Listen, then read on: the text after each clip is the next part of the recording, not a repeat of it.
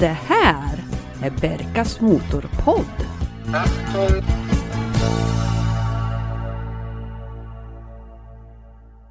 Hej och varmt välkommen till ett nytt avsnitt av Berkas Motorpodd.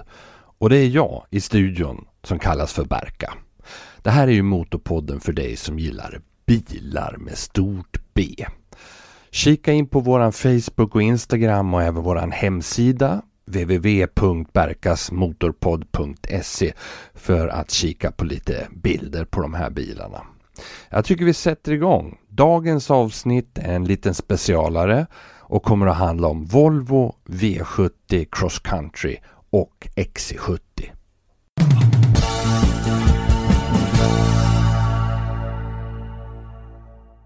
Min gamla 850 AVD börjar kännas trött och den var svårsåld ute på marknaden och min C70 stod mest hemma i garaget eftersom jag inte ville ha den parkerad i det området som jag bodde i Köpenhamn. Tuborg på plastik, inge klinke klanke. Dessutom så hade den blivit utsatt för skadegörelse. En morgon när jag skulle åka iväg till skolan så hade någon bestämt sig för att kasta in en gatsten i sidan på bilen och även repa taket. Så helst så ville jag bli av med båda bilarna. C70 kördes hem till Sverige och jag tog ner den lite diskretare 850 istället. Vid ett spontanbesök hos den lokala Volvohandlaren på ett lov från skolan så fick jag syn på en Mistralgrön Volvo V70 XC AVD ifrån 2001 och den hade bara gått 4100 mil. Jag var bekant med försäljaren så vi började skissa på en plan. Tanken var att jag skulle lämna in 850 och C70 som byte och sen lägga en mellanskillnad. Frågan var bara hur stor den där mellanskillnaden skulle bli. Xen var mycket välhållen men jag hade en betänklighet och en reservation. Den var automat. Jag bestämde mig ändå för att det skulle vara bekvämt i Köpenhamnstrafiken och dessutom så skulle jag ju bli av med de här två svårsålda bilarna. Efter några dagar ringde säljaren och gav mig ett erbjudande på 20 000 emellan. Jag kontrade med 15 och vi gjorde affär. Jag fick hjälp av en polare att köra ner inbytesbilarna så jag kunde nu hämta ut min grön metallic Volvo V70 XC med automatlåda.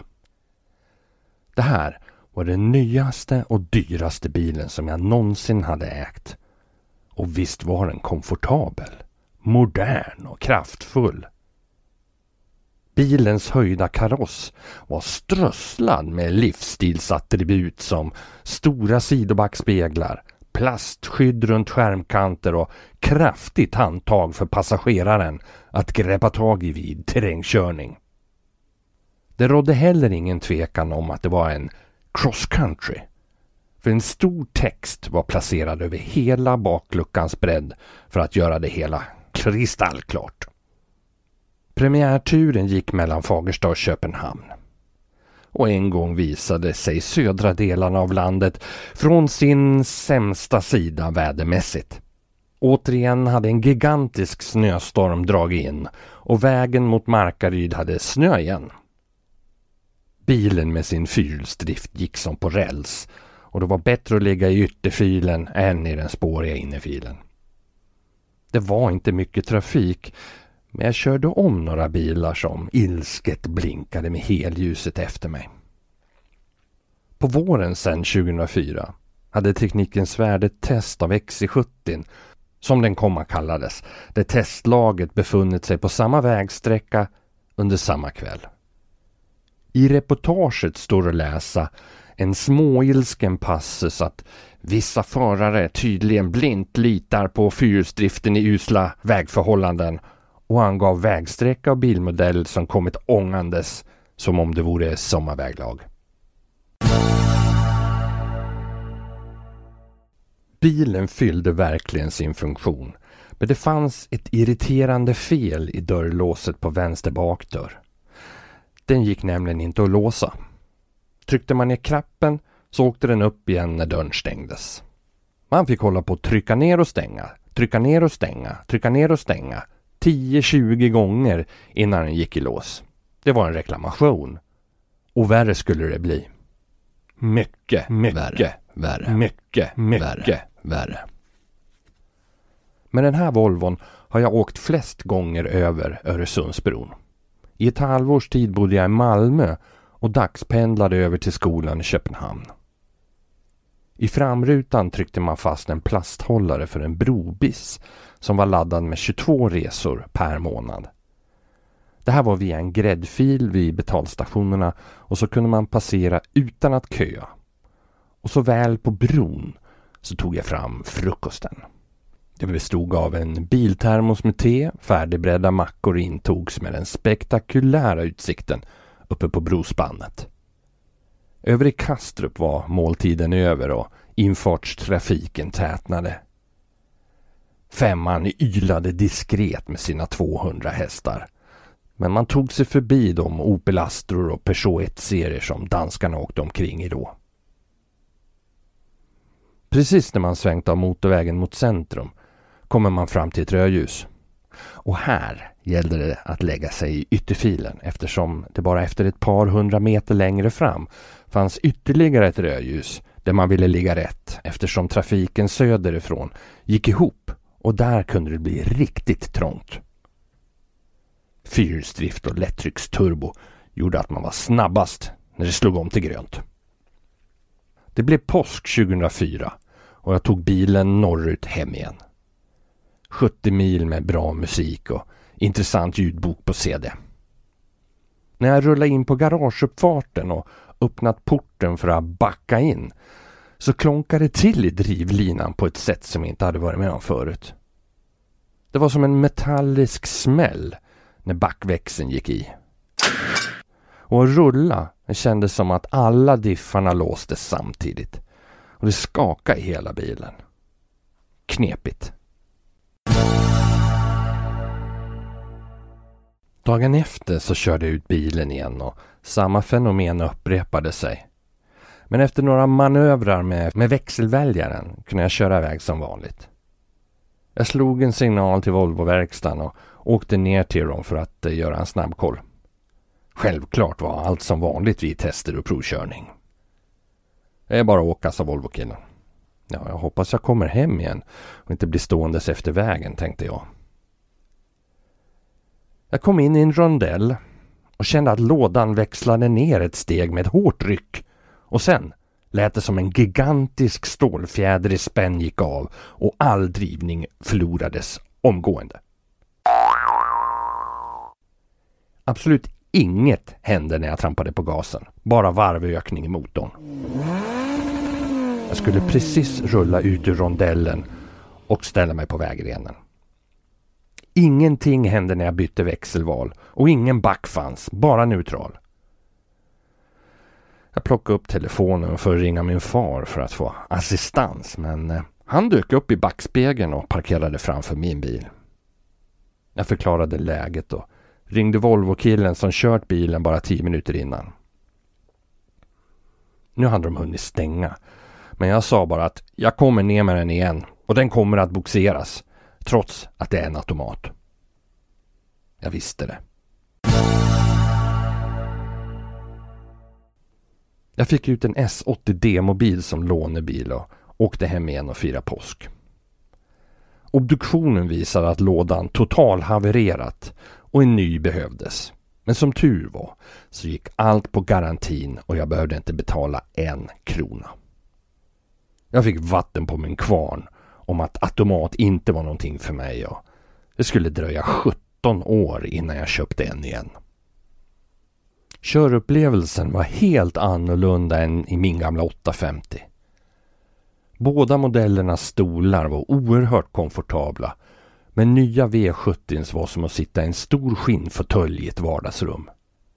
En enorm kupérymd mötte mig och instrumentpanelens stora svepande välvning bidrog till känslan. För första gången så hade jag en bil med en ratt som hade knappar där jag kunde styra radio och farthållare ifrån. Instrumentklustret var övertydligt med hastighet och varvräknare men inte lika snygga visare som i 850. En display fanns i nedre vänster hörnan och skrev ut meddelanden i text som manövrerades med att vrida en ring i blinkerspaken. Radion var helt integrerad i mittkonsolen. AVD-systemet mellan 2000 och 2002 var en viskokoppling som fördelade drivningen till bakhjulen när framhjulen spann och tappade fästet. Det här var en lösning som visade sig vara både känslig och ineffektiv för vanlig körning. Det här systemet det kräver att man är brutal och provocerande så silikonlösningen stelnar i viskon. En vinkelväxel skickade ut kraften från växellådan till en kardanaxel. Och skulle man byta däck så var man tvungen att byta alla fyra eftersom systemet inte tålde skillnaden på även den minsta rullomkretsavvikelsen. Långt ord förresten det där. Årsmodell 03 till 05, tillverkningsvecka 19, så fick de den nyare halvdäckskopplingen av andra generationen som fungerade så att vridmomentet överfördes till bakhjulen efter att framhjulen slirat en sjundedels varv mot bakhjulen. På så sätt så blev bilen mer konsekvent i drivningen och man kunde även använda handbromsen till annat än ja, parkeringsbroms om du fattar vad jag menar. Idag när jag ägt tre V70 XC med Viscon och en nyare XC70 med Haldexen och ett otal av den första generationen så gillar jag ändå den tidigare som fanns 98 till 00. Den har mer kontakt med vägen och den har bättre styrrespons än den nyare som känns som att den har ett lager med bomull mellan däcken och vägytan och liksom gungar fram. 850 V70 har ett sportigare anslag och är mer på tå. Det är liksom mera morr i motorn.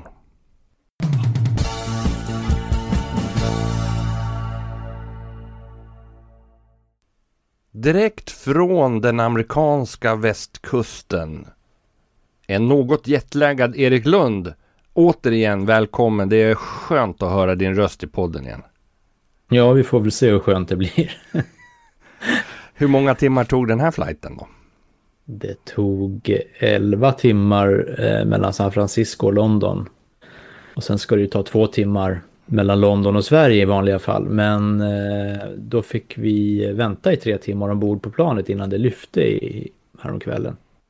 Du har ju badat i Porsche 959 eh, på den här bilutställningen. Vad var det för bilutställning?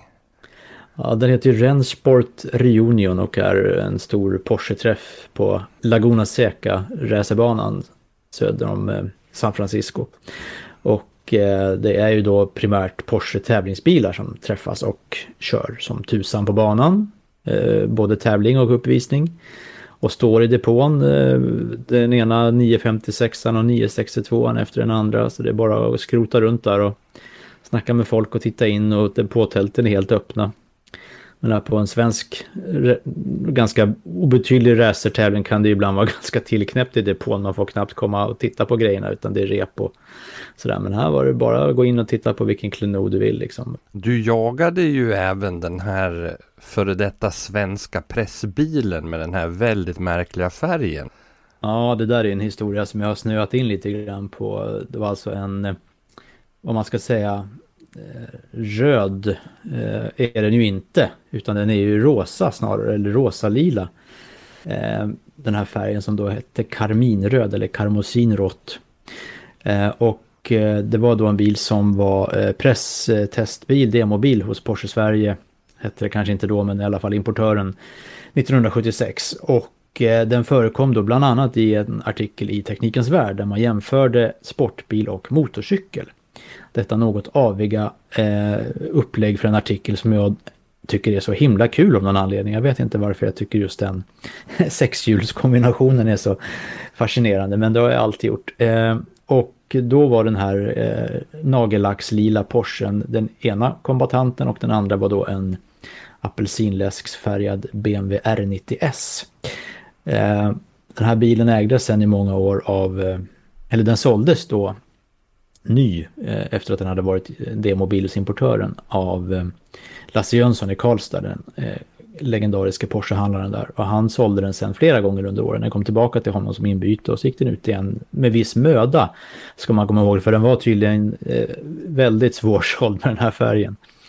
Men nu har den ju fått någon slags hipster-status då, att den är ju cool. Nu jagar ju folk efter Porsche med udda, konstiga färger. Och de tenderar att dra iväg i pris. Eh, från att då för några år sedan bara ha varit fullständigt iskalla. Men det roliga var eh, för min del att jag då 2011, alltså 35 år efter att Teknikens Världs reportage gjordes, gjorde en revival på den här artikeln som Dag Hogsten och Robert Laver gjorde i Teknikens Värld 1976. Med exakt samma bil, Robert Laver hade på sig exakt samma skinnställ och vi hade en identisk motorcykel, dock inte samma exemplar för det kunde vi inte hitta. Men eh, vi gjorde en nytolkning som då publicerades först i tidningen Gran Turismo och så skrev jag en ny variant för tidningen Classic Bike. Sen hamnade den dessutom översatt i en fransk motorcykeltidning. Och eh, sen då för något år sedan, eller ett och ett halvt kanske, så var det den här hippa Porsche-träffen Luftgekühlt i USA. Och då satt jag och slöskrollade och tittade på flödet med bilder som pumpades ut därifrån och plötsligt så ser jag en nagellackslila Porsche med registreringsnumret JHY354. Och förstod inte riktigt vad jag såg. Det är ju den gamla svenska pressbilen, nu står den på luftgekylt. Hur gick det här till? Så fick jag kontakt med ägaren och vi har haft kontakt sen och snackat om bilen och jag har skickat lite material till honom och han är väldigt intresserad av sina bilars historia. Han samlar nämligen på Porsche med knasiga färger. Den här och sen har han sån här Moonstone-färgad 911 och en 924. Moonstone är ju en, en eh, svårbestämbar färg mitt i rummet. En slags grå, blå, eh, ljus, alltså blåbär och mjölk med mycket mjölk typ. Då förstår vi ju eh. alla hur den ser ut. Ja, jag tyckte det var, eh, kan inte missförstås alls. Och eh, nu fick vi då eh, efter allt gaggande i sociala medier och på WhatsApp tillfälle att träffas och stå tillsammans vid bilen och titta på den. Så att eh, det ska jag skriva om på min blogg framöver eh, som heter Eriks11 och där har jag även redan nu babblat eh, om det här eh, gamla testet och den nya revival-artikeln och om Justin Roser och hans bil. Men det är inte riktigt därför som vi, eh, vi hörs just nu i hörlurarna utan det är nämligen för att prata om Volvo V70 Cross Country. Ja. Och då vet ju jag att du har ju faktiskt kört den där när det begav sig och eh, när den behövdes testas kan man väl säga. Ja, precis. Eh, jag tycker man kan ju börja med att säga att den där generationen V70, den andra som kallas för V71, var väldigt lyckad. Och den känns fortfarande, jag stod just idag faktiskt och tittade på en, en V70 T5 med faceliften som kom 2005 där någonstans. Med de snygga originalfärgerna. Jag tänkte att det är en, fortfarande en jädra snajdig bil. Alltså de fick väldigt fin ordning på, på linjerna på den. Med en ganska mjuk rundad front och en kraftfullt bakparti som ändå är Ja, det är väldigt mycket Volvo men då kändes det som en nytolkning av Volvo herrgårdsvagnsbegreppet som i mina ögon föll väldigt väl ut. Jag tycker den står sig fint än idag. Ja, för den är ju ändå 20 år lite drygt gammal den här. Ja, den kom väl år 2000 karossen. Ja. Tidens tand har väl nött på den på vissa eh, kanter men, men eh, överlag är den evergreen design tycker jag. Den är bättre än S60 som var systermodellen tycker jag. Eh, den här har hållit sig bättre. Minns du någonting när du fick nycklarna i handen så att säga och, och eh, ta ut den på en liten eh, översynsrunda? Ja men det var ju, eh, det omedelbara intrycket var ju att den var ganska väsensskild från föregångaren, den första V70 Cross Country. Eh, som jag ju tyckte var också väldigt lyckad. Den, den var ju ganska tight i formen och inte så breddad och påpälsad med plastkrafts. Ehm, snygg tycker jag fortfarande den är också. Den har ju väldigt, ska man säga, stilren cross country design. Den här var ju lite mera svullen i, i formerna. Och även i köregenskaperna. Den var ju rejält mycket pösigare, mjukare och mer amerikaniserad. Eh, så att, eh, ja, nu låter det som att jag motsäger mig själv men jag tycker nog att första generationen cross country är bättre än den andra. Medan andra generationen V70, vanliga V70 utan de här eh, galonbyxorna som min kollega brukar säga eh, är mer lyckad. Jag tror det låg i tiden också att eh, det här cross country-konceptet, om man nu kallar det så, oavsett märke, bredde ju ut sig väldigt de här åren hos olika bilmärken. Ja, det kom med Allroad och ja, det var ju flera märken som hakade på det här att ta en vanlig kombi och göra den lite terränganpassad istället för att eh, eh, ha en full SUV så att säga. Var det en nödvändig bil? För jag menar det dröjde ju inte länge förrän eh, Volvo kom med sin riktiga XC90 så att säga. Ja men det är just det jag tror att den var alltså. Den fyllde nog en, en väldigt fin lucka där att den var en vanlig kombi. Eh, och det tycker jag fortfarande gäller för den här biltypen att det är sympatiskt att det är en vanlig kombi. Inte släpa runt på en massa extra plåt som gör bilen hög och tung. Utan det är en, en eh, väl måttfull eh, och eh, proportionerlig kombikaross. Så man har höjt en liten smula, adderat en liten aning terrängkapacitet. Ja, den kan man väl diskutera men den tar sig väl i alla fall fram lite bättre till sommarstugan än en vanlig framhjulsdriven V70 med låg markfrigång kan man tänka.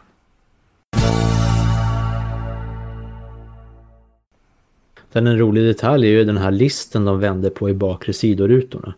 Som ju liksom är vänd uppåt på en vanlig V70. Så, det var väl kanske vad Volvo hade råd med. Det måste man komma ihåg. Det är en ganska liten tillverkare och de hade inte samma resurser som tyskarna att göra olika varianter och modeller och, och bre på. Utan de fick väl lite grann slöjda med de eh, träbitar de råkade ha i verkstaden. Och då vände de på den där listen. Alltså det är inte samma list som är vänd men den är ju gjord på ett annorlunda sätt. För att få en liten annorlunda känsla och look på bilen. Det blev ganska kul. Det, det, vad jag gillar med den där modellen det är att den är ganska chosefri. Den känns inte pretentiös och uppnäst på något sätt utan den lite snäll och lite, ursäkta, lite töntig liksom. Men, men på ett trevligt sätt. Lite svenskt sådär. Ja, och det kan man väl gilla. Vad tyckte pressen? Ja, 2000 till 2002 de hade en 2,4 liters femma lättrycksturbo på 200 hästar och 285 Newtonmeter i vrid redan vid 1800 varv. Och den nyare XC70 0305 hade en 2,5 liters femma på 210 hästar och 320 i vrid. 0 till 100 gjordes på respektive 8,8 och 8,1 sekunder och toppade 210 km i timmen och vägde 1850 kilo. Nypriset enligt Teknikens Värld låg på strax över 310 000 kronor i grund. Jag tänkte vi skulle ha lite historik om Volvo V70 också här i avsnittet. Och varför inte bjuda in produktchefen för utvecklingen av modellen, nämligen Peter Everstrand. Varmt välkommen till podden och tack för att du tog dig tid. Stort tack, det är kul att vara med. Hur kom det sig att du blev inblandad i det här projektet? Via först klimatprovning, sedan service och så småningom produktplanering. Och där hade jag hamnat i en roll som idag skulle kallas produktchef. Det fanns en affärsprojektledare för för S60, V70 och V70 Cross Country som hette Lars-Erik Lundin, Ludde kallad.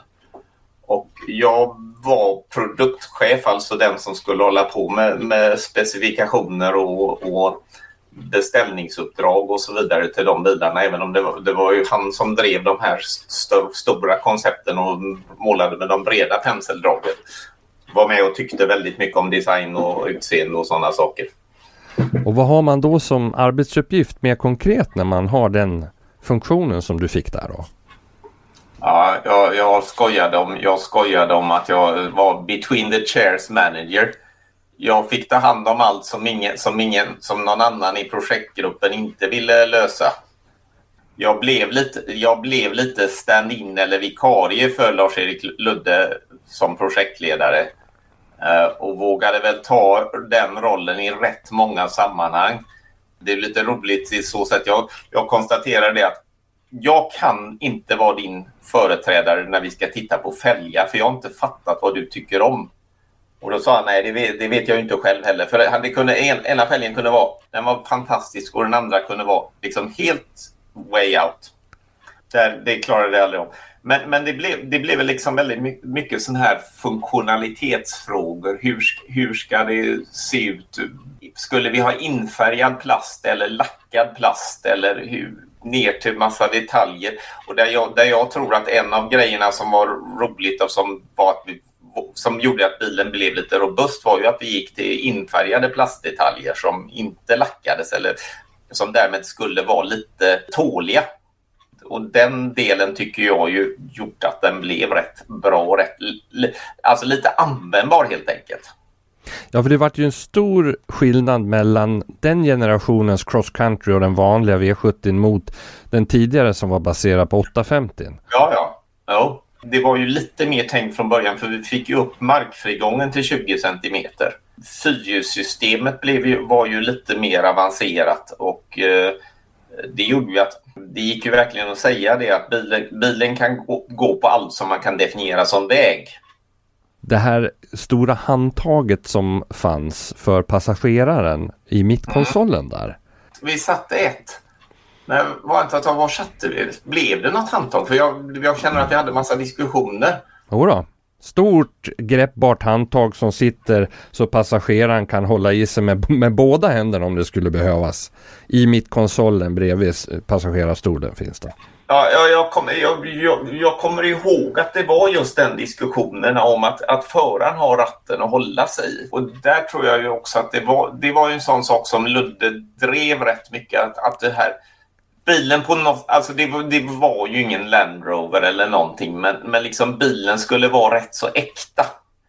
Just det här, det får inte bara vara plastdetaljer bakom, utan det måste finnas någon framkomlighetsförmåga, fyrhjulsdrift och också lite sådana här saker som är hämtade från rena terrängfordon ja, i någon bemärkelse någon, någon form av äkthet. Bilen skulle i alla fall leverera en bit av vad den utgav sig för att göra.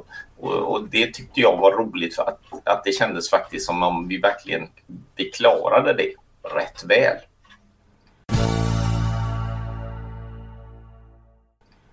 Kommer du ihåg hur lång tid det tog att färdigställa projektet? Det, det var ju ett projekt som löpte över rätt många år. För att, för att det, blev, ja, det blev lite omstarter runt omkring. Eh, och, och, så hade man en, ett koncept på en V70 innan som, sk som skrotades i ett relativt sent läge. Så jag tror i praktiken att jag, jag var inne och jobbade där i nästan fem år från de där allra första koncepten.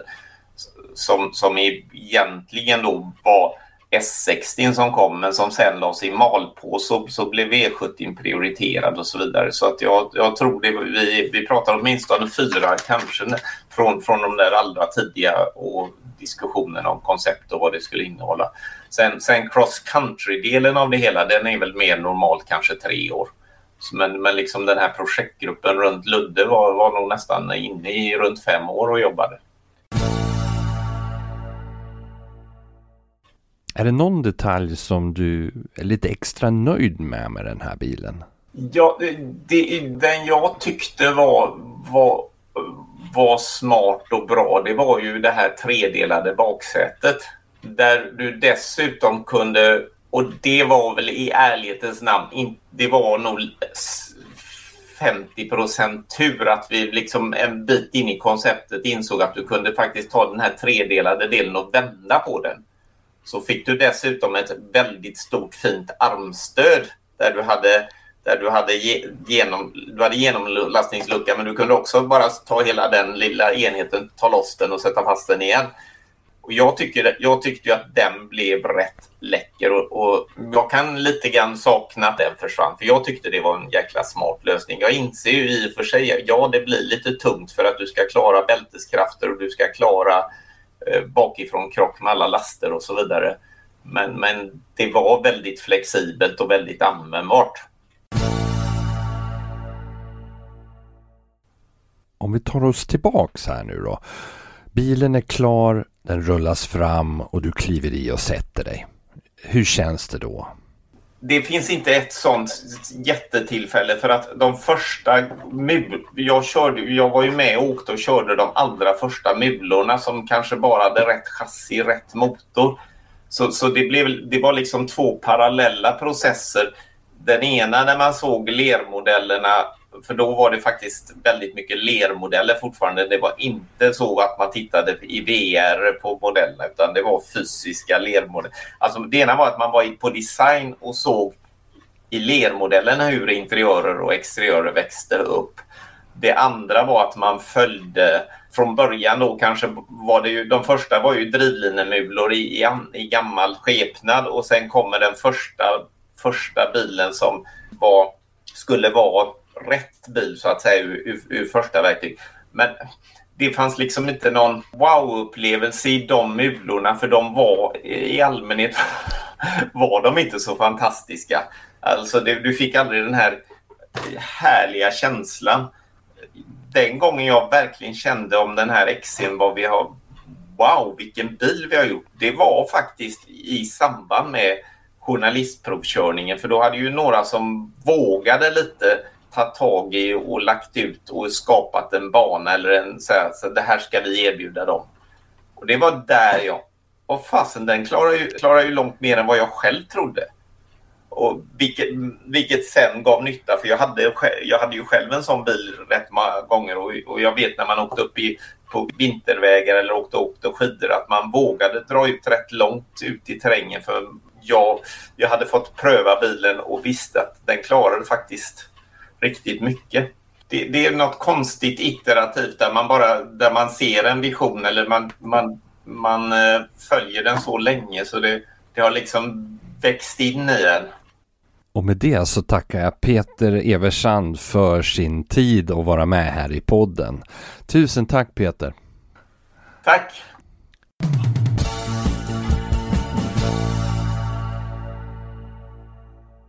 I lördags så hämtade jag hem mitt nya vinterskott inköpt i Falun.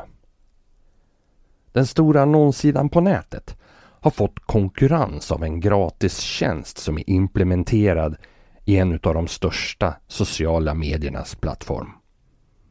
Där börjar man få ordning på sökmotorerna så att det går lättare att hitta det som man letar efter. Och i veckan som gick så hittade jag en Mistralgrön Metallic XC70 ifrån 2004.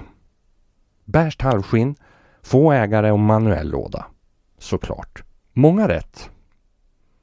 Jag mejlade och frågade mer om bilen och det visade sig att halvljusen inte fungerade trots verkstadsbesök och lampbyte. En felkod visade lampfel. Och eftersom jag har svart bälte i googling så kunde jag få fram några troliga fel. Defekt ljusinsats. Xenon. Skitdyrt. Eller xenonballast.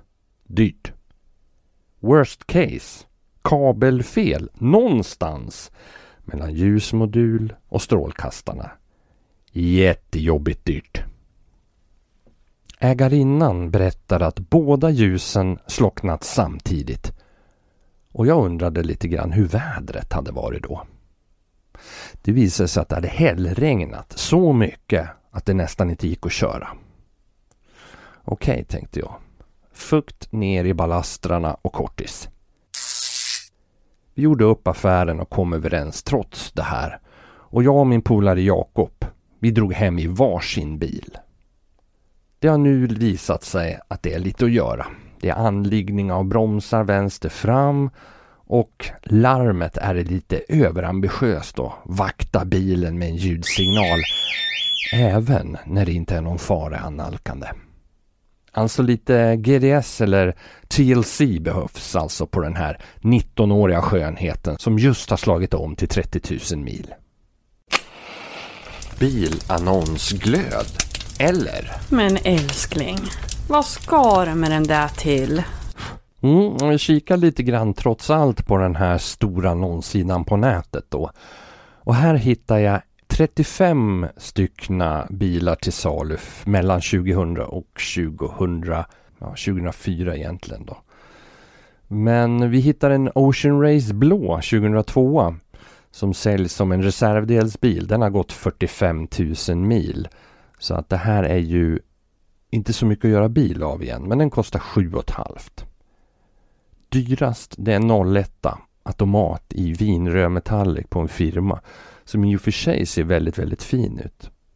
15 000 mil, det är de in som lågmilad och den kostar hela 74 900 kronor. Tusen tack för att du har lyssnat på dagens avsnitt utav Berkas Motorpodd.